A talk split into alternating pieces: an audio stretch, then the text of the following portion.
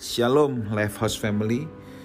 Ibrani 12 ayat yang kedua berkata, Marilah kita melakukannya dengan mata yang tertuju kepada Yesus yang memimpin kita dalam iman dan yang membawa iman kita itu kepada kesempurnaan. Dan dengan mengabaikan kehinaan, tekun memikul salib ganti sukacita yang disediakan bagi dia yang sekarang duduk di sebelah kanan tahta Allah. Ayat ini diawali dengan mari kita melakukannya. Melakukan apa? Ini yang kemarin kita sudah bahas. Tentu melakukan pertandingan atau perlombaan yang diwajibkan bagi kita. Nah, ketika kita melakukan perlombaan yang diwajibkan bagi kita ini, kita harus melakukannya dengan mata yang tertuju kepada Yesus. Nah, saudaraku, Iblis sejak semula paling pandai membuat distraction.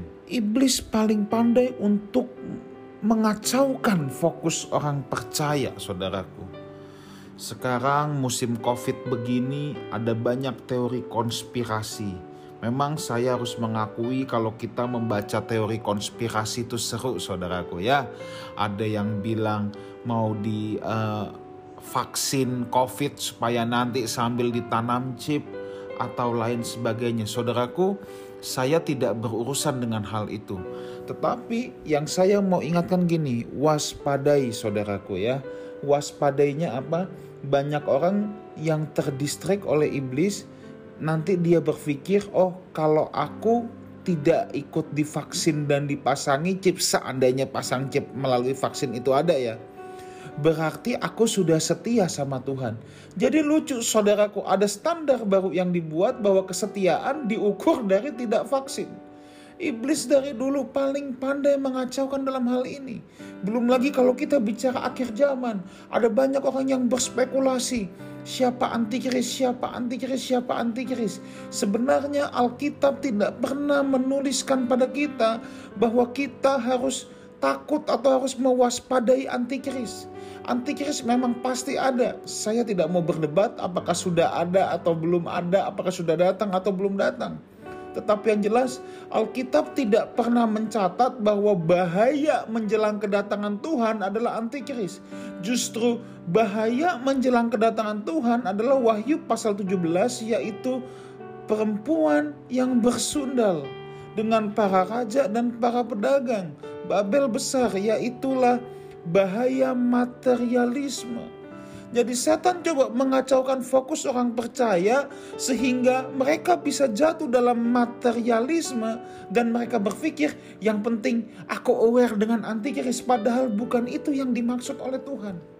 Saya mau tunjukkan lagi bahwa iblis sangat pandai dalam mengecoh fokus orang percaya.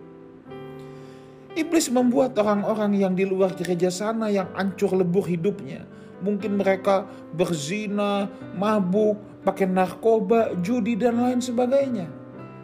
Iblis sengaja buat itu juga untuk mengacaukan fokus orang percaya supaya orang percaya berpikir aku nggak seperti itu, aku aman-aman saja dong, aku kan diem di gereja, aku kan pelayanan. Pertanyaannya, sejak kapan benchmark kita, sejak kapan standar kita menjadi orang-orang yang di luar sana.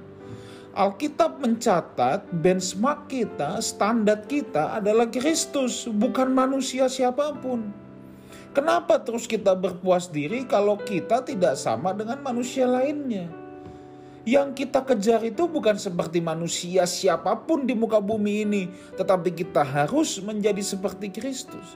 Itulah sebabnya saudaraku, Alkitab berkata ketika kita melakukan perlombaan mata kita tertuju pada Yesus. Jangan digagalkan dengan apa pun, gak usah pusing antikris lah, microchip atau apa pun itu. Yang kita harus persoalkan cuma satu, apakah hidupku seperti Tuhan Yesus?